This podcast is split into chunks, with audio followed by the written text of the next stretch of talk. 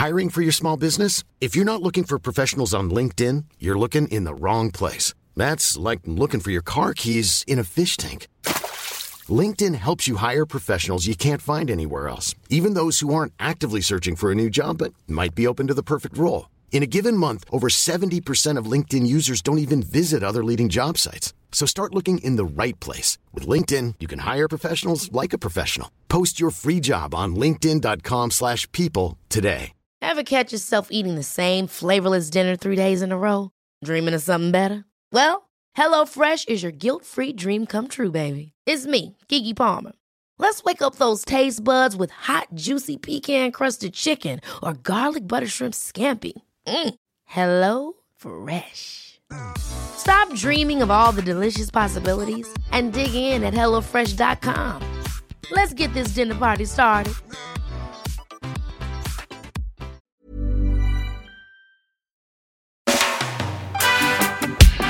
Och välkommen till I väntan på katastrofen. Jag heter Kalle Zackari och med mig har jag i vanlig ordning Patrik Sellman. Hej Patrik! Hej Kalle! Härligt att vara tillbaka. Ja. Det är vecka nio nu eh, och då är jag på sportlov. Så att det här har vi spelat in i förväg för en gångs skull. Mm. Väldigt förutseende. Istället för att det ska bli bara ett uppehåll i eh, podden så eh, har vi spelat in lite i förväg. ja. Beredskapen med poddarna har väl varit eh, sådär. Inget bra föredöme egentligen. Nej, så kan man väl säga. Men å andra sidan känner jag att poddar kanske är den, det område där man kanske inte behöver lägga så jävla mycket liksom, tid på beredskap. Kan väl vara som det är bara. Ja, Eller hur? jo men så har det ju varit. Men vet du, om man har lite empati. Du vet ju att det är vissa som faktiskt tycker väldigt mycket om våran podd. Och så äntligen onsdag. Mm. Ja, men det, det där känner jag igen. Och så är det bara ingen podd alltså. Så där, så där har man ju med vissa poddar. Alltså jag lyssnar på en Ukraina-podd varje dag och eh, jag blir helt knäckt när det är lördag och den inte kommer ut. Det där får du berätta vilken podd det är Kalle. Eh, Den heter, det är den brittiska tidningen The Telegraph som, som ger ut den. The Telegraph, sorry. Eh, Och den heter Ukraine the latest. Ja. Eh, Så den får ni lyssna på. Och om jag- ni är ändå inne på det, jag tipsar om en annan podd också. Den heter War on the Rocks. Eh, och Då är det framförallt de avsnittet där Michael Kaufman pratar om Ukraina-kriget. Han är väldigt, väldigt insatt och väldigt, väldigt kunnig och väldigt, väldigt smart och bra. Även i historia och sådana Ja, grejer. men exakt. Så lyssna på eh, War on the Rocks och Ukraine the latest för att få en bra bild över läget i Ukraina. Mm, den där Telegrafpodden, vad är det som gör att du tycker att den är så otroligt bra då? Alltså dels att den kommer varje dag. Eh, Men Ja. också att det är eh, eh, framförallt en, en av de som pratar som heter Dominic, Dominic Nichols tror jag. Han, han verkar vara någon typ av gammal militär som vissa andra jag känner. Eh, nej men och eh, Han kan väldigt mycket om... Eh, alltså jag har ju blivit lite av en MÖP. Alltså militärt överintresserad person. Han är väldigt, väldigt liksom, initierad när det gäller framförallt stridsvagnar och eh, sådana grejer. Men han, ja, det är bara, man, får, man får en väldigt bra bild av läget varje dag. Det här har hänt sedan igår. Eh, det här behöver man tänka på, det här behöver man titta på. Och sådär. Bra. En blandning av nyheter och sammanhang. Och, ja, precis. Och fördjupning. Liksom. Ja. ja, men det låter kanon. Jag ska provlyssna på Ja, den bra. också. Gör det. Du, eh, vi har fått en fråga till podden. Mm. Eh, det kommer från Emil. Han, han har egentligen tre frågor. Eh, han skriver att han har två frågor, men sen är det tre frågor. eh, det, ja, det är jobbigt att räkna till tre. En, Ja. två, många. exakt. Ja, men det, är, det är att den sista frågan har inte fått någon siffra. Han har, den första har ett och sen har den andra frågan en siffra två innan sig och sen den tredje frågan är mer hängandes i luften. Så, första frågan är så här. Har slarvat med att byta vatten till mina dunkar. En har dessutom blivit stående ute på altanen. Hur rengör jag dem på ett säkert sätt? Vattnet är från det kommunala vattennätet. Dunkarna var nya innan vattnet fylldes på. Mm. Får jag prova? Ja, Lite, eh, lite klorin. ja. Jag, jag skulle säga det. Det är ju så. Det är ju det man har. Alltså han har ju kommunalt vatten i. Och de är ju renade för att verkligen säkerställa att det inte blir några. Och då är det ju oftast den här typen av ämnen redan i. Så eh, Alltså det är inte bra att ha vatten stående ljust. För då har du det här med att du får algtillväxt och sådana grejer. Men har han inte fått det så är förmodligen det är inte jättefarligt i. Men när du byter, ta lite klorin i och alltså vi pratar, så tar du en matsked så är det en, en 20 litare, va? så är det ju en rejäl dos. Och så sköljer du runt med den här och du kan väl låta den stå där ett tag också och verka. Och sen häller du ut det. Och eh, fyller på rent då. Alltså sp sen spolar man ur den några gånger väl? Jajamän, ja, sköljer ur den såklart. Ja, Ja. självklart. självklart. Men det går ju även att ha, en del använder ju klorinet som just en förstärkt rening i också då. Just det. Att man tar lite, lite, lite grann klorin i. Och hur mycket är det då när du säger lite? Ja du, vad var det? Jag använder inte det där själv så det blir aldrig aktuellt för mig riktigt. Så jag blir inte uppdaterad på det. Men jag, jag skulle nog föreslå så här för säkerhets skull. Så googla på det. Ja. Eh, men alltså det är storleksordningen tesked, matsked i en stor dunk. va. Någonting sånt är det. Det, det är alltså inga jättemängder. Sellman ordinerar lite, lite, lite klorin. Ja, precis. Ja, om, om, du, om du misstänker att det skulle vara något. Annars är det alltid, och det kan vi säga hur många gånger som helst. Är du tveksam i en utsatt situation och du behöver använda vatten som du inte är, är helt säker på. Koka. Då är Just du det. säker på det. Stora bubblor, inget trubbel. Perfekt. Eh, nästa fråga från Emil eh, gäller varmvattenberedare. Han har fått tag på en begagnad beredare som han tänkte koppla till sin pelletspanna. Pannan har massa styrning och kopplingen känns begriplig. Men hur gör man rent en gammal varmvattenberedare så man kan känna sig säker på att man inte blir sjuk av vattnet? Mm. Alltså, i varmvattenberedarens natur så ingår det ju i att den ska bli varm. Ja, det är därför varm i varmvattenberedare kommer eller? Ja, ja, jag har alltid misstänkt det i alla fall. Ja. Men eh, så att det är ju väldigt bra om man kan värma upp varmvattenberedaren ordentligt. Så blir den ju ren. Men sen eh, vad är det för material i den och sånt där? Hur länge har den stått? Har det hänt någonting med ytan och sånt där inne i varmvattenberedaren? ja, jag vet inte. Nej, jag vet inte heller vad det är för material och sånt där i. Va? Men eh, om man säger så här, re, eh, försöka skölja ur den eller någonting sånt där. Och eh, har det ärgat eller någonting på det viset så går det ju att ha någonting syrligt med när man sköljer den kanske. Eh, ättika, vin, ättika, vinäger eller någonting sånt. Ättiksyra som finns på hushållsnivå kopparrör och sånt där som är vanliga vid eh, går ju att göra ren med vinäger till exempel. Okej. Vanliga. Ja, så, så är det. Men annars så är det ju just det här det viktigaste av alltihopa. Det är ju att han värmer upp den riktigt ordentligt när han kör igång den då. Va? Just det. Men, och det är då för att man inte ska bli sjuk av vattnet. Men om det är typ i missfärgning och sånt där, då kan man spola och använda... Skölja ur den ja, precis. Ja, det gör du ju också när du kanske börjar använda den då. Att du sköljer ur den och spolar igenom den och värmer upp ordentligt då. Jag vill, jag jag vill gärna äh, säga vinäger också, men jag känner inte riktigt att jag bottnar i det. Alltså jag, jag, Vad sa du Kalle? Att du... jag vill gärna använda ordet vinäger också. Mm? Men jag känner inte riktigt att jag bottnar i det. Jag säger ju vinäger som alla andra människor. Men du säger ju vinäger. Ja, men du vet när det gäller uttal och sådär. Alltså jag är ju ganska bra på vissa grejer. Ja. Men jag har ju normal storlek på huvudet. Och då just det här när det gäller uttal på främmande språk, dialekter och sånt där. Alltså det blev inte så mycket plats över till det. Okej, för jag tänkte att det var liksom att du hade mer plats i det. Att vi, vinäger... Så min pappa säger ju kilo till exempel. Kilometer. För att han... Det är som lite extra fint, tycker han, att säga så. Mm. Då tänkte jag att det var samma med vinäger. Nej, men du har ju fått jäkligt mycket plats i ditt huvud för sådana där grejer. Du är, du är ju kommunikatör till och med. ja, ja. Ja, det är.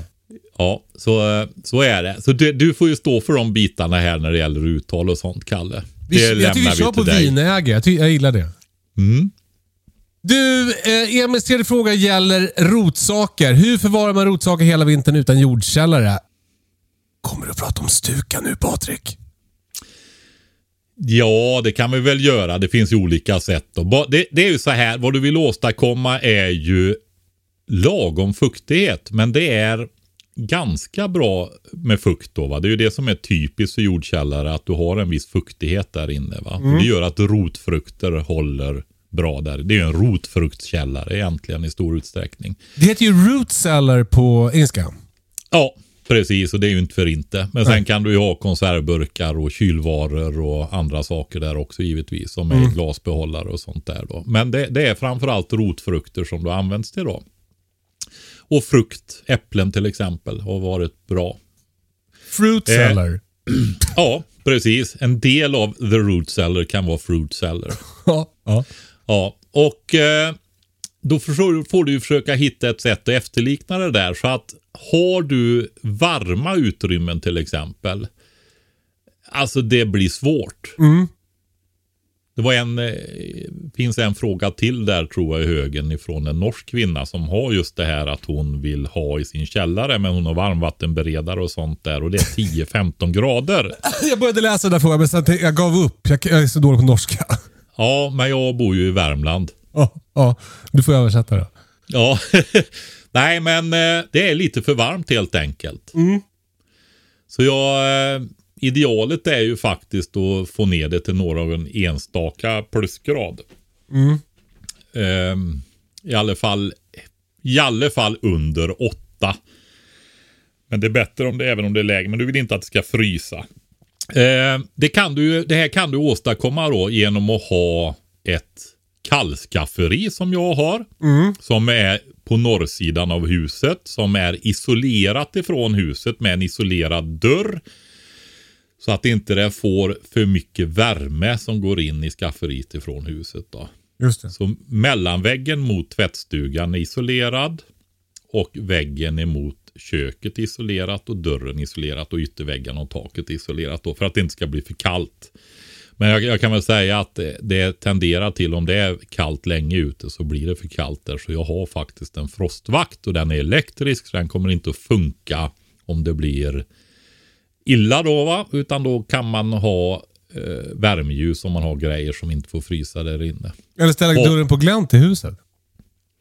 Det går att göra också lite grann då. Eller att göra en ventil eller någonting som gör att det kan komma in värme då. Ja. Det, det, är ett sätt och då har du i ett sånt torrt utrymme så är det för torrt. Då kommer potatisen att skrumpna. Och då har du, gör du ett lokal fukthöjning i en plastback eller någonting sånt där. Jag tror du har väl det till och med i din jordkällare. Men det är också för att skydda mot möss och sånt va? Eh, ja, exakt. Jag förvarade ju morötter så framför allt. Nu har jag byggt en, byggt en annan konstruktion så nu har jag inte det längre. Men, men jag hade det. Plastbackar. Mm. Precis. Eh, och så har jag ju förvarat. Jag har även förvarat i gamla sopsäckar som har lite vaxat eh, papper papperssopsäckar och tagit dubbla sådana och haft potatisen i med lyckat resultat. Då. Mm -hmm. I skafferiet? Jajamensan. Mm. Stor, du vet stora sådana här papperssopsäckar som användes för innan vi börjar med de här tunnorna som vi har nu då.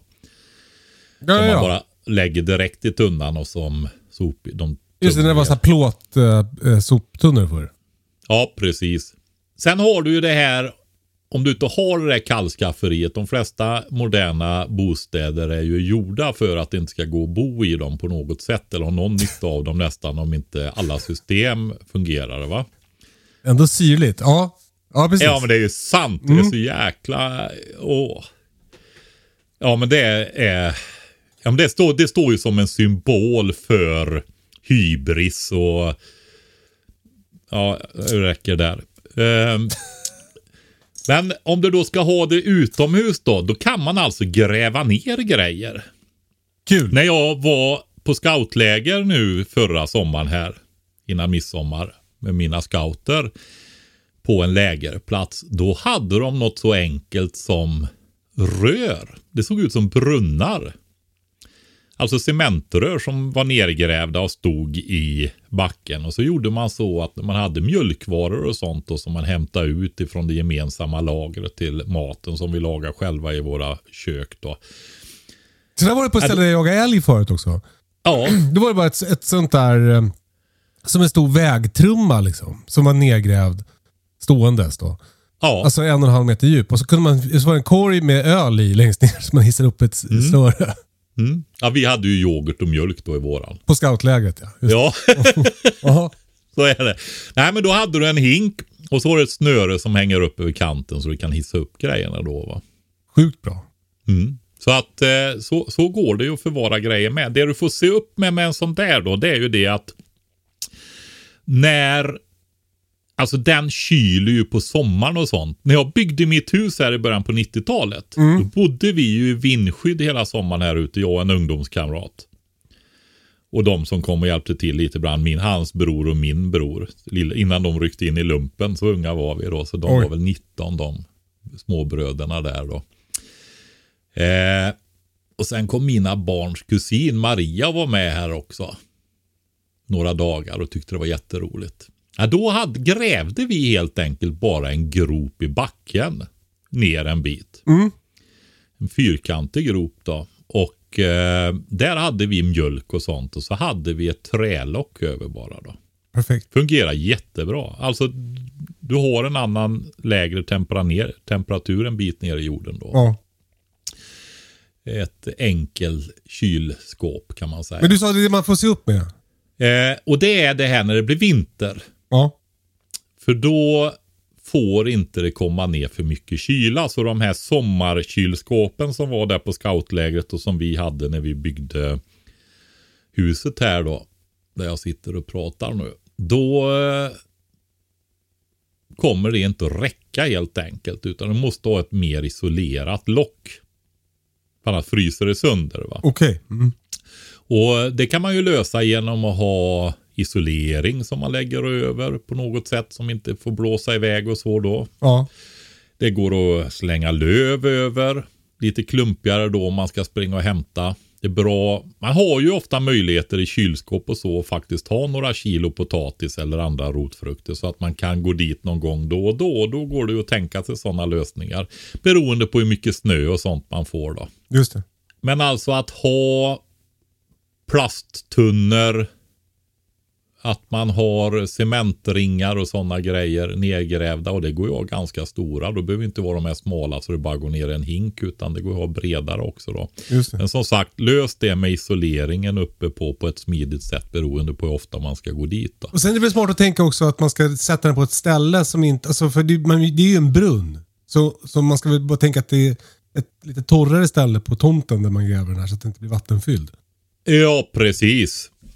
Och eh, ja, det beror ju på hur du har i botten. Då är det ringar ner, då är det ju öppet i botten. Mm. Sen har du ju stukan som du tar upp då. Det är ju helt enkelt att du lägger upp. Om du har tillräckligt. Men där är det bra att ha mycket rotfrukter. Och det var så man förvarade mycket förr ute på fälten i princip. va. Så lägger du upp det i en... Eh, tvärsnittet är väl i princip triangulärt skulle jag säga. Eh, och sen gör du den så lång som du behöver göra den. Och Det som är viktigt då också det är ju det här att rotfrukter genererar, speciellt på, inte minst potatis, genererar ju sin egen värme. Eh, den kan ju alltså skydda sig. va. Så att när det blir, börjar bli kallt då börjar den förbränna. Öka cellandningen så att det bildas värme. Kroppstemperaturen stiger. Men du behöver ju ändå ha isolerande lager runt den i form av halm eller sådana saker. Va? Det går ju att ersätta. Förr hade man ju alltid halm. Det fanns ju gott om då. Va? Ser man i våra bygder så är ju halm en bristvara här. För det är inte så många som odlar spannmål längre. Va? Och de som gör det, de behöver halmen själva till djuren då. Då går det ju, du ska isolera på något sätt i alla fall då. Jag kan tänka mig eh, nu spekulerar jag för jag har ju inte prövat detta eh, med löv eller faktiskt med isolering också då, va? isoleringsmaterial då. Men sen täcker du också över det här med jord över alltihopa då.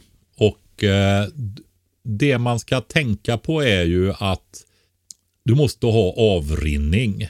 Så när det blir väldigt blött och regnar mycket så eh, ska ju inte det här vattnet rinna in och så alltihopa ruttnar upp då. Va? Så att det är på något sätt skyddar och rinner av vattnet ifrån den här stukan då. Alltså lägga plast över typ? Ja, alltså upp, uppe på åsen, så på sidorna som lutar så rinner det ju av utåt då om du har material under då. Va? Eh, alltså löv och halm och sådana grejer. Hur stor ska stukan vara? Jag skulle nog säga att du behöver ha, om du kan komma upp i 60, 70, 80 centimeters höjd i alla fall så att du får lite volym på den. Så att det är ju ganska mycket. Så jag tänker för många med mindre trädgårdar, då är det ju rör och sånt som gäller. Mm. Alltså gräva ner tunnor eller cementringar och sådana saker då. Men har man plats så kan man passa på att gräva en ganska stor stuka. För då får man det här storstukslugnet. Jag tänker det kommer till med nu, vi kan ju faktiskt ta en sån typisk grej. Det är ju foderbetena. Ja. Vi har ju kört ett sånt projekt i fjol och vi har inte riktigt följt upp det. Och det har ju faktiskt varit så att det har gått att odla foderbeter på många platser men har ganska lång utvecklingstid. Så att alltså den är lite brutal nästan foderbetan och varför jag verkligen promotar den det är ju för att det går med manuella redskap och sköta den. Och det är en hackröda, alltså ogräsbekämpande som potatis och så vidare då i växtföljden. Men, men när jag tittar på hektarskörderna på alltså 100 gånger 100 meter på det. Alltså de vet vad de skördar. Hur mycket, kan du gissa hur mycket foderbete man kan skörda på 100 gånger 100, alltså ett hektar? Jag kan, jag kan ge som exempel så här att om du odlar korn och havre och sånt här i Värmland som många gör så två och ett halvt ton och sånt odlar får du på det då, tre kanske. Eh, vete, om du gödslar hårt och det är bra med regn och så vidare så kan du komma upp mot 10 ton på 100 gånger 100 meter. Mm. Potatis 30-40 ton per 100 hektar då. Det är mycket mer vatten i det va? Ja, men då, jag tror att det är mer som potatis då. Det är f- 40 ton. Ja. 100 till 150 ton. Helvete vad mycket! Ja, och det är energirikt alltså. Och då växlar du hektar, det är ju 100 ar. Ja. Hektogram är 100 gram. Hektar är 100 ar. Så en ar, det är väldigt bra trädgårdsmått för att det är 10 gånger 10 meter. Men det innebär alltså att tar du en hundradel av 100 till 150 ton så kan du alltså få 1 till 1,5 ton energirika foderbeter på 10 gånger 10 meter. Det låter ju jättebra ju. Ja, som du kan ha som foder till eh, gäss och i viss del, alltså det är, de är ju Foderbetan är ju en Sockerbetan är en variant av foderbetan med extra högt sockerinnehåll då. Va? Så att kaniner är ju deras matsmältning lite känsliga för det. Så att man kan ha det som ett tillskott eller alltså hjälpa till som en del av utfodringen med foderbetan i alla fall. Men grisarna måste gilla det som fan. Jajamensan, och idisslar också. Och eh, tydligen så bidrar det till ökad mjölkproduktion också då. va. Har mjölkdrivande effekter då. Så att, eh, ja men även hönor och sånt, får gillar det. De är idisslare förstås då. Men, men eh, gäss och sånt älskar ju foderbeter. Men höet är grunden för gässen då. Så, så det här är ju ett sätt att, att odla foder då. Och jag menar, får du ett till ett och ett halvt ton när du verkligen behöver börja odla mat till dina egna djur då va. Det är ju perfekt att ha i stuka. Om du inte har gigantisk jordkällare då. Då får du ha en ganska rejäl stuka. Ja. För då får du ju lite volymer va. Och då kan man ju lägga olika, även vitkål och sånt förvarade de förr i stukor då. Aldrig prövat själv dock. Du, eh, eh, nu fick Emil verkligen svar på sina frågor. Eh, lycka till med förvaring av rotsaker och rengöring av olika vattenkärl. Emil. Tredje frågan då. Ja, det var det där med förvaring av rotsaker. Okej. Gör rent dunkar, gör rent var- varmvattenberedare. Just det.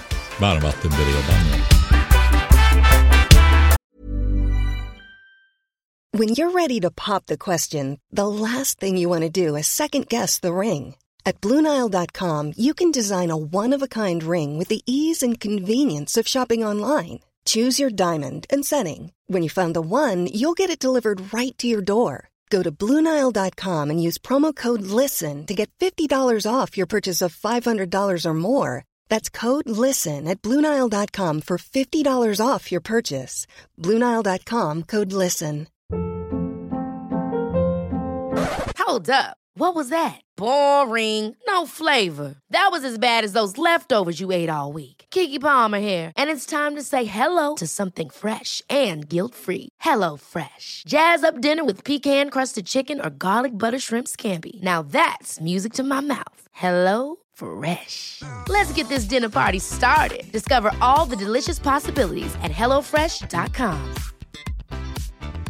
Hey, it's Ryan Reynolds, and I'm here with Keith, co star of my upcoming film, If, only in theaters, May 17th. Do you want to tell people the big news? All right, I'll do it. Sign up now and you'll get unlimited for $15 a month and six months of Paramount Plus Essential Plan on us. Mintmobile.com slash switch. Upfront payment of $45 equivalent to $15 per month. Unlimited over 40 gigabytes per month. Face lower speeds. Videos at 480p. Active Mint customers by 531.24 get six months of Paramount Plus Essential Plan. Auto renews after six months. Offer ends May 31st, 2024. Separate Paramount Plus registration required. Terms and conditions apply if rated PG.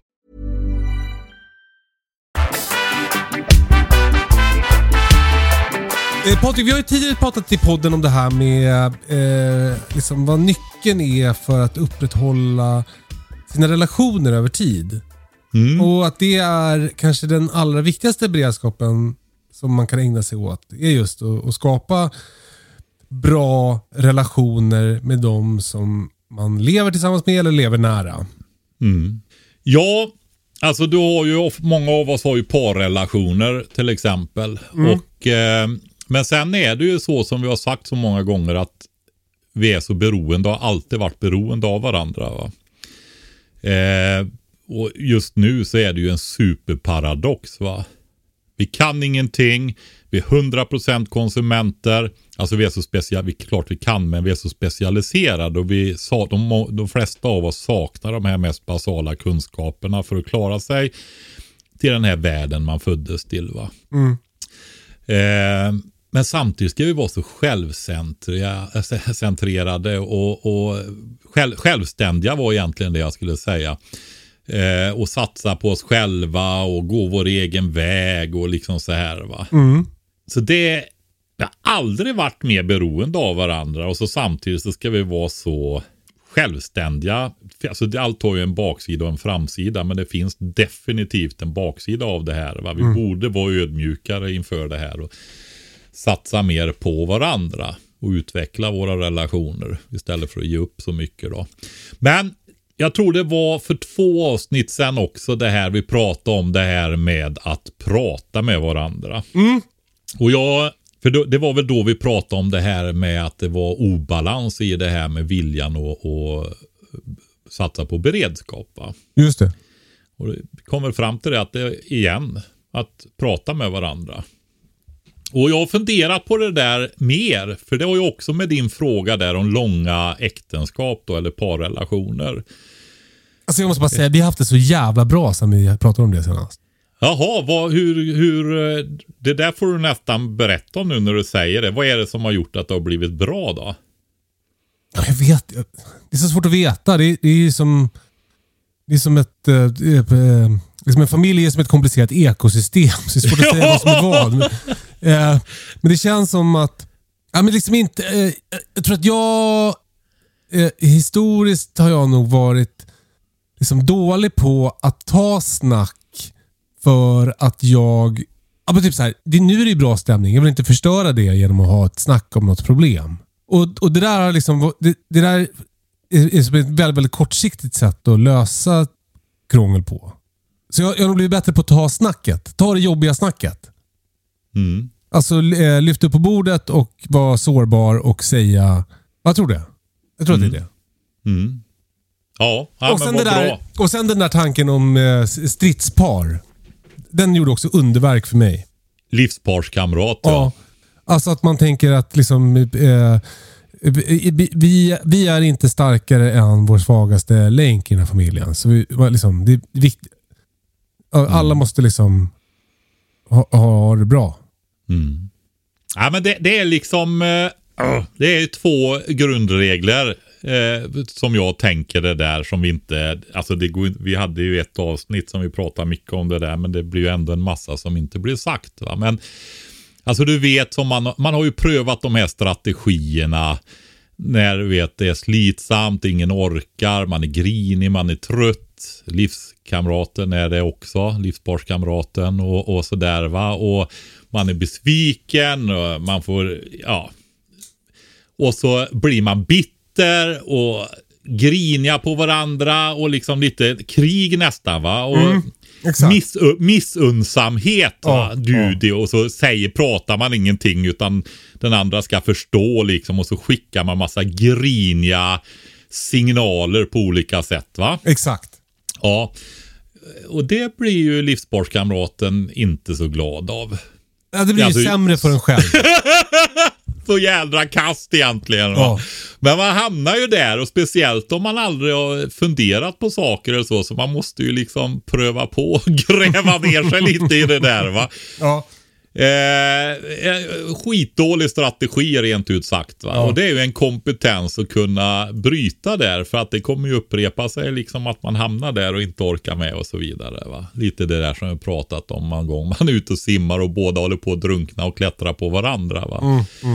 Det är liksom lite småbarnsår och sånt där i det där. Ja. Ja. Eh, men om man istället är, försöker lära sig att vara sin partners bästa partner. Och att man när man pratar och kommunicerar inriktar sig faktiskt på att vara intresserad av kanske den viktigaste människan i sitt liv då va. Ja. Eh, och vad den menar. Alltså att försöka förstå innan man krigar om att få sin mening sagd och bli förstådd. Den sista där, det är ju kanske en utmaning för mig då att bita i lite och varit. Jag tror att jag har blivit lite bättre i alla fall. Men ja, jag är ju, det hör man ju på podden här att jag gärna berättar och förklarar hur saker hänger ihop och det gäller att förstå allting. Va? Så ju. Allt har sin framsida och sin baksida, så är det. Så är det. Men Mm. Alltså alltså, att vara gift med dig, att vara gift med dig är som att vara i en podcast som har pågår eller? Ja, ungefär. Eh, inte helt fel. Ja, men alltså, det, alltså, jag vet inte, jag har tänkt någon gång också. Jag har förstått när man försöker ta del av andras och så vidare så är det att det ligger lite manligt drag i det där att alltid försöka hitta ett svar och förstå allting. I alla fall, eh, ja. Och liksom blir det, och det, för mig är det ju så här att det spelar ju ingen roll om det är liksom "Åh, vad- varför funkar inte diskmaskinen? Alltså varför funkar inte våran relation för tillfället? Gäller att förstå och så försöker man förstå då som man har haft lite olika lösningar genom åren då. Men det faller tillbaka till det här med att kommunicera i alla fall. Va? Och eh, alltså läser man kortaste kursen om kommunikation så får man ju lära sig det här att du har en sändare och en mottagare av det. Och sändaren har ju ansvar för hur man sänder. Och mottagaren har ansvar för hur man tar emot. Och det där glömmer man ofta. Alltså, vad gör jag med meddelandet som skickades med olika språk då, va? kroppsspråk och, och handlingar och ord och kanske text också ibland. Då, va? Vad gör jag när jag tar emot den? Jag har ansvar för vad jag gör med den. Och där är det nog så, speciellt i nära relationer, att det är viktigt att man försöker vara välvilligt inställd till när man tolkar det då. Ja, bra. Det här, det här är svinbra. För, alltså, ett sånt exempel från i morse bara. Ja, Då frågade Britta så här, har, hon, är, hon, typ, hon hade stökigt, hon skulle iväg med, med Björn och det var som... Hon var lite i upplösningstillstånd liksom. Eller hon var knäckt för att det var tjafsigt. Och sen så, eh, så sa jag någonting och så... Som, jag vet inte, jag kommer inte ihåg vad jag sa. Men hon smsade mig i alla fall och frågade så här, har du tagit din medicin? Jag käkar ju så här SSRI i medicin. Eh, och då, då, då kan jag ju välja att ta det som så här, en pik. Alltså som att hon tycker att det var jag som skapade hennes eh, krångliga morgon. Mm. Eller så kan jag välja att tolka henne som att det var Kärleksfullt. kärleksfullt för att kolla att jag har det bra bara. Ja, exakt. Och jag, jag var, det var så tydligt för mig, för först, liksom, min, min, instinkt är att gå i försvar. Mm. Men då, då, bara, då valde jag det där, välvilligt. Liksom. Jag, då Mm. valde jag att tänka att hon vill mig väl och att vi är ett stridspar. Det är så himla bra när man kommer dit att man kan börja reflektera över sådana här saker. Alltså att du har, kan tänka medvetna konstruktiva tankar runt det. Därför att då hamnar du i en maktposition. Du kan nämligen välja. Och det är Ja. du som kan välja hur du ska tolka det. Va? Men har man aldrig pratat om sådana här saker, alltså hittat ett språk runt omkring det så kan du ju inte tänka medvetna tankar utan då blir det ju bara reaktioner. Va? Och då blir du slav under det istället. Va? Just det. Så det är det. Men jag har i alla fall tänkt runt det kring det här Ja. en hel del. Och jag tänkte att jag skulle göra, vi skulle göra en podd kring en lektion som jag hade för 30 år sedan. En av dem som jag verkligen kommer ihåg för jag tyckte jag nådde fram och nej, jag tyckte den blev himla bra. Och det, jag var vikarie för en lärare, jag tror hon skulle få barn. Och det var på Naturbruksskolan Södra Viken, så det är skogshuggare. 16 till 19-20-åriga killar som bor på ett internat i skogen. Och jävlar. Och hon, hon sa så här, ja de är så goa och fina de här och hon är ju jätteliten var hon. Men alltså de är ju som de är sa hon så här. En gång så tog de mig och vände upp och ner på mig och stoppade ner mig i en soptunna sa de. Alltså det är läraren. Ja, precis. Va? Hon var väldigt tuff och hade skinn på näsan den här lilla kvinnliga läraren. Då, va? Så att eh, hon tog nog... Men det var... Det, alltså, du vet. Livet är att stå hemma och hugga ved en solig vårdag liksom. Och sådana där engelska och svenska och så. Det kanske inte. Var deras grej riktigt. Nej, inte riktigt va. Och jag, hon var ju engelska och svenska lärare när jag vikarierade för så jag skulle in och ha svenska lektionen då.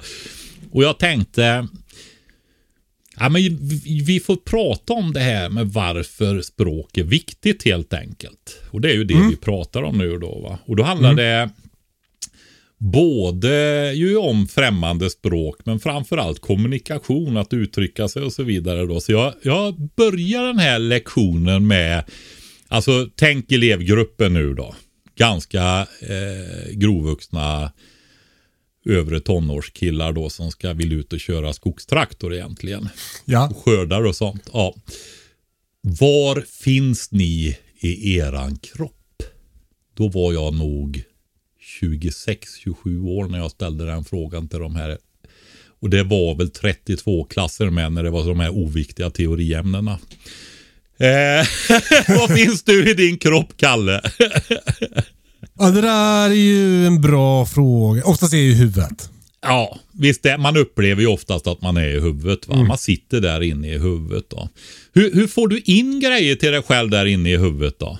Eh, genom mina öron och genom mina ögon och genom min näsa och min mun. Ja, och dina fingrar och din känsel Ja, och så också. Det är egentligen de fem sinnena va? Ja. Du sitter där inne och du kan få in grejer till dig själv där. Tar du bort de där sinnena så är det liksom bara svart, tyst, ingenting va? Skönt. Nej, Nej, jag skojar bara. Förlåt. får inte tänka för mycket på det när man har lite läggning åt klaustrofobi om vi säger Nej, så. nej. Men nu när du sitter där inne då. Så vi har ju massa andra människor och även djur till viss del också då att kommunicera med och så vidare. Hur får, hur får du, hur når du ut till det här som är runt omkring där då? Eh, nej, men då, då, då får jag använda språk.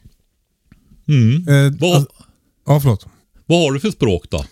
Eh, dels har jag mitt munspråk och sen har Ja, jag mitt talspråk, kroppsspråk. kroppsspråk. Eh, och sen har jag ju också, eh, liksom, man kan ju sända ut som energier. Med liksom, ja du förstår. Ja, jag lägger nog det för enkelhetens skull i kroppsspråk. Ja, bra. Men du är ju copywriter också. Mm. Ja, Skriftspråk? Skriftspråk, ja. Ja, bra. Mm. Och sen eh, din hustru, hon är ju duktig på att måla och sånt där. Va? Just det. Bildspråk också. va? Ja. Så det är ju de här språken att skicka ut. Om du vill någonting så kan du skicka ut det alltså. Det är de här grejerna som vi har. Och när jag hade den här lektionen med så hade jag en antologibok. Och i den jag hittade en berättelse, det var den som öppnade upp för den här lektionen då. Det var en berättelse om en ung artilleriskadad, granatskadad man i första världskriget. Den hette på svenska, jag kommer inte ihåg vad den hette för den var inte skriven på svenska utan det var väl engelska som originalspråket tror jag. Men på svenska hette den Johnny var en ung soldat. Och så var det ett utdrag ur den då. Och när han blev granatskadad den här killen då. Jag undrar om inte jag börjar läsa den här berättelsen för dem faktiskt. För den är ganska gripande. Det var nog det som var introduktionen innan jag gick över på det här med var finns du i din kropp? ja, ja, jag tänkte precis säga det. Det låter Ja, bättre. jag försökte nog fånga intresset med den här gripande berättelsen. Men då är det så här att den här Jonny, han blev sprängd i bitar. Han hade inga armar, inga ben. Öronen var helt förstörda, kunde inte höra någonting. Ansiktet var borta, kunde bara gurgla. Usch. Ja, och han kommer in, han överlever. De lyckas få liv i, hålla liv i han då, så han läker ihop. Men han ligger där med sin bål och sin intakta hjärna, men utan ja, mun och sådana grejer då. De tar hand om han där. Va? Han har alltså bara känseln kvar på kroppen. Och han ligger där i sin, ja, han ligger där i sin säng. Och eh, när han bara har känseln, har du talat om det här liksom om man blir blind så utvecklas de andra sinnena för att kompensera. Mm. Då kan du tänka dig hur hans känslor blir då. Liksom. Väldigt, han, väldigt känslig. Ja, han lär sig känna igen personer när de kommer och går och sådana där grejer på hur de går. Va? Och han får en tidsuppfattning som går när de vädrar så vet han i vilken tid på året det är och så vidare och i princip vad det är för väder och sånt där. Och de ger han lugnande sprutor och sådana här grejer för han ligger och dunkar med huvudet hela tiden. Mot kudden va, den här bålen då med det här lilla delar av huvudet som är kvar uppe ligger och dunkar i kudden där va? och de tror han har epilepsi. Eh, och de överväger, han ligger ju där, åren går och han vet när det är jul och så vidare för då kommer det vikarier va. Då kommer någon annan och går och då känner han igen på stegen och sådär. Åren går och han ligger där. Och de överväger, för de vet inte om han är medveten eller någonting. Va? Han har inga ögon, ingenting kvar. Och Så de funderar faktiskt på att avbryta och ta bort honom då. Om han bara ligger där den här klumpen. Va? Men så kommer det en jul. Och så ligger han där och dunkar då va. Och så kommer det nya steg då så han vet att det är en vikarie. Och han, han dunkar med kropp i huvudet där. Och så går, försvinner stegen. Och så kommer det två stycken tillbaka. Och så går den andra då som följde med nu fram till honom. Och dunkar i pannan. Vad vill du? På morse. X antal år senare. Då förstod de att det var när han dunkade med huvudet så låg han och gav morsesignaler och försökte kommunicera med omgivningen utanför. Åh herregud. Då får du liksom syntesen av det här med att kunna nå ut, att kunna, alltså språk avgör vad du ska få för liv alltså. Din förmåga att kommunicera, möta andra människor, göra det förstådd, alltihopa det här va. Den nådde fram till även de här pojkarna faktiskt. Och till mig. Ja, till dig också. Men det är så, du kan inte, det är så skört. Alltså det är ju oerhört fantastiskt att det funkar så bra som det gör det här va. Men, eh, men det är så viktigt att man lär sig. Och grejen är så här att du lär dig ju inte bara när du är liten eller när du går i skolan och så vidare va. Kan du inte, och hur gör man när man ska lära sig något Kalle? Man övar man övar. Det man vill bra, bli bra på, det man vill odla, det odlar man va? Just det. i bredaste bemärkelse. Så eh, vill du få en bättre relation så börja prata med varandra.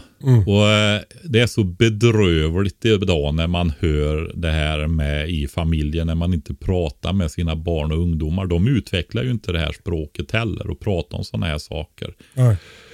Eh, ja, men alltså det är så viktigt att vi gör det så att vi blir duktiga på det. För många gånger så är det också så att har vi inte gett upp helt så är ju relationerna bland det viktigaste vi har va, som skapar mening och sådana saker i livet. Va.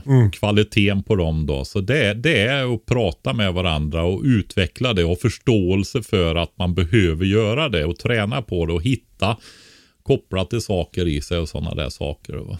Jag, ty jag tycker det var så... Eh, eh, som, eh, det känns meningsfullt det här med att använda sina, sitt språk för, för att eh, nå ut med det man har liksom, på gång. Mm. Sina behov. För det- är en grej som jag håller på att försöka öva på. Att jag ska försöka lista ut vad det är för behov som egentligen... Om man känner mig typ irriterad eller så här. Så, som, försöka gå till botten med vad det är för behov jag behöv, vill få tillgodosett. Mm. Och så kommunicera det. För, för, för det blir nästan alltid bra. Det som inte blir bra är om, om jag går och är irriterad och sur och tar ut det på någon annan. Mm. Och jag tänker att det är därför det finns så mycket sura gubbar i världen. För att gubbar ofta är dåliga på att kommunicera och därför blir bittra och ensamma och arga. Ja, ja, men det är nog mer än eh, jag tror att eh, ja, generellt sett så är det förmodligen fler män. Som, men jag tror att det är många kvinnor som inte är så bra heller att läsa av. Och, och, och även läsa av är ju en del. Alltså mottagargrejen finns ju också där va, i kommunikationen. Det är inte bara, att, bara att sända. Eh, så att vi är nog, behöver nog bli bättre på det, de flesta av oss skulle jag säga. Och eh, det gäller ju inte bara i livsparsrelationen utan eh, i relationer i viktiga grupper och sådana saker också. Men just det som du sa med att hur vi tar emot, det styrs ju ofta av känslor. För eh, vi tar ju en del törnar när vi växer upp. Alltså vi blir väldigt sårade och det är verkligen inga trevliga känslor som omger sånt där. Och det kan ju utvecklas till riktigt rädslor. Till och med, jag har ju jobbat med, som jag har sagt förut, nu är det ett tag sedan så jag får säga det igen, med ungdomar i många år som har haft det tufft då som lärare på högstadienivå, en skoldaghemslärare då. Där egentligen det är fråga om miljöterapi i form av skola. Och man kan säga att det handlar om jag-uppbyggnad, alltså kärnan av det själv. Att bygga, skapa en tryggare botten liksom, en, eller centrum. Inte bygga upp ett ego. Ett ego det är liksom någon ytlig föreställning som ofta istället ställer sig i vägen för jagets utveckling. Då, va? Men det här jaget är ju också sårbart, speciellt om det inte är så starkt. Va? Och eh, det gör ju ofta att du tolkar saker negativt för att du är rädd. Mm. Det är viktigt att komma ihåg det. När du börjar reflektera över att kunna göra det där valet. Om det är omsorg och kärleksfull handling eller om det är en skuldbeläggande. Och Just det. Så, Ja, men det där, det där stämmer ju också. För, för eh, eh, eh, exakt. Alltså, du, jag, I vanliga fall så hade jag blivit som, eh, orolig för att jag hade gjort något fel. Att Britta var besviken på mig. Och då reagerat som att det var det hon, hon uttryckte. Mm. Men för henne så var det omtanke. Mm. Och, och att jag då har tillräckligt mycket utrymme för att kunna ta emot det som omtanke. Det har att göra med att jag känner mig tryggare i mig själv. Mm. Så är det. Och det är olika personligheter också. En del är ju mer raka, alltså rationellt värderande, mer sakligt värderande människor tenderar ju att vara väldigt raka i kommunikationen. Va? Och emotionellt värderande människor, de som tittar mer och värderar utifrån känslorna som omger en upplevelse, då, de tenderar ju att vara mer, ta mer sa- saker och ting personligt. Va? Så det, det är ju liksom, får man vara medveten om då. Mm. Och då när den där, och ofta väljer man ju en partner som kompletterar en själv. En saklig väljer en emotionell som är mer empatisk och förstå inkännande och så vidare då. Va? Gud vad svårt att lista ut hur, vem, vem, vilken av de där man är. Är jag en Ja. rationell eller är en emotionell? Ja, man tror ofta att man är det som män, men eh, det visar sig när man kollar det här att det är, när det gäller de bitarna så är det ungefär lika faktiskt. Det finns mycket rationella kvinnor och mycket emotionella män också då. Va? Jag skämtade, det är väldigt tydligt att jag är en sån emotionell. Ja, jag vet det. Jag förstod att det var det. Lite självironi där. Nej, men eh, barnuppfostran ligger i detta.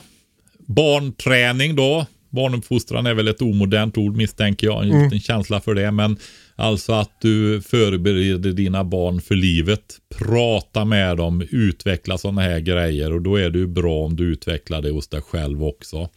Och har man svårt, alltså det är, vi pratar om relationer där, det handlar ju om ett lärande. Det är bara att fortsätta. Och sen, alltså om du väljer att vara mer välvilligt förstående. Att du försöker förstå innan du ska bli förstådd. Innan du försöker straffa med minnsundsamhet eh, din jobbiga partner och så vidare. Och om du ser till att vara din partners bästa partner så gott du kan och lär dig att göra det bättre och bättre. Och det blir du ju bara bättre på om du försöker. Va? Så kommer du på köpet att få en mycket sötare och vackrare partner också. Därför att, eh, jo men alltså en glad och eh, välvillig och livsbejakande. Alltså om du är sån så blir ju din partner mer så också. Då blir de sötare och vackrare dessutom. Och vem vill inte ha det? Det vill alla. Gud vad peppad jag blev på att hänga med min fru. Ja, ut och träna nu Kalle! Ja, men att man tänker på det så. Att man tänker på äh, liksom, att det är enda sättet att få den där relationen som man drömmer om. Det, är liksom inte, det kommer liksom inte komma av att man byter partner, utan det kommer av att man, man övar sig på att kommunicera. Ja, men precis. Och jag vill gärna tro att i de flesta fall så är det så här att eh, ja, men tänk när man ger upp vilken historia man har. Ofta av både glädje och tråkigheter och det kan vara långa perioder som inte har varit bra och så vidare. Men du har en historia att utgå ifrån. Det är ju oerhört bra förutsättningar faktiskt att komma vidare med om man verkligen vill det. va. Det är så. Och eh, istället för att börja med något helt tomt ark. Va? Men sen eh, kan jag också tänka mig liksom att ibland vill inte någon annan. Vad gör man då? Man kan ju bara hålla på ett visst tag och sen funkar det liksom inte. Nej. Men man kan ju söka hjälp också för då handlar det ju ofta om rädslor och alltså att man är livrädd helt enkelt. Det finns eh, är teorier om anknytning. Ja. Det, har, det har jag tittat en del på. Och eh, det är just det här med rädslor och sånt där. Om man är trygg i anknytning och vågar lita på nära relationer och så vidare. Eller om man är osäker där och inte vågar. Va? Alltså en anknytningsproblematik. Man brukar prata om fyra olika anknytningstyper då. Va? Eh, alltså jag har inte de helt uppradade i huvudet då, men det finns väl, det borde jag ju ha. Undvikande, ambivalent. Nej, nu hittar jag bara på. Nej, men det är de. Det är de två som är lite vekare. De andra två är eh, starkare där va. Men eh, det är de faktiskt. Och eh, det där är också en grej. Om man då är rädd, man har blivit sviken, övergiven av föräldrar och sådana här grejer kanske och, och så när man är liten. Och när man säger övergiven då, så kanske det behöver inte vara då att man är, blivit liksom fysiskt övergiven. Det kan ju vara att man är känslomässigt övergiven. Till exempel Ja, att, man, att man känner sig ensam. Om man, alltså den här klassiska är ju när barn gör sig illa och föräldrar säger det gick bra. Istället för att Ja, säga hur gick det, det? ja, precis. Ba barn tål ju en del också va. Men det, det, många barn växer ju upp med, med missbrukande föräldrar. Eller faktiskt föräldrar som bara försvinner va. Rent fysiskt också ur deras liv och lämnar dem. Mm. Och jag, jag glömmer ju aldrig den här killen. Skolan där jag jobbade. Då liksom det slog direkt an, rätt in. Den djupaste förståelsen liksom. Det här att jag tror han var något år äldre än de andra. Jag tror han var 17 år fast han gick i högstadiet. Och han satt och fantiserade om sin pappa som bara hade totalt övergivit honom. Hur fantastisk han var med sin nya familj va. Förstår du? Gubben. Och fattar du hur han tänkte varför inte han dög Åh. va? Eh, ja, Usch. så, den varianten då va. Men då är det ju så här att ska du inte springa runt och vara livrädd för att råka ut för den där och bli övergiven och de där fruktansvärt jobbiga känslorna runt omkring det där. Så måste du våga utmana det där och det kan du ju bara göra genom att prata om det och alltså, jobba Eh, bara ska jag inte säga för jag är inte sån expert. Jag är ingen psykolog. Jag är ju ingenting egentligen. Nej. Vårbrukare är jag och biodlare. Exakt. Ja. Men jag ska inte säga bara. Det kanske finns olika metoder och så. Men det är ju att prata om det och jobba på det. Bit för bit för bit och bygga upp förtroendet med någon människa som man finns möjlighet att göra det med. Så kommer, kommer man förbi det där och så kan man få fina, tillitsfulla, nära, intima relationer med andra människor igen. Va? Det är ju det som är hoppet. Gud vad härligt för mig att om en vecka kan jag gå in och lyssna på det här avsnittet när jag är mitt uppe i sportlovet som brukar vara det mest prövande en familj kan gå igenom. Då kan jag gå in och lyssna på det här, här avsnittet och känna att det jag egentligen gör, det är inte att jag håller på att gå under av tjafs kring pjäxor utan att det är att jag övar mig på hur det är att ha en familj. Mm. Ja, precis. Men det är ju faktiskt det man gör också. Du Patrik, Ja, Fan vad fin du är att du kan berätta för oss både om stukor och relationer. Jag älskar det med dig. Du, eh, eh, tack för idag. tack själv. Eh, vi... Eh, vi Får du ha ett fint sportlov då? Ja, tack. Vi hörs om en vecka. Mejla frågor till hejkatastrofen.se och eh, kika in på prepbox.se vet jag om du vill ta tag i din beredskap. Ha det så bra hörni. Puss och kram. Hej då! Hej då!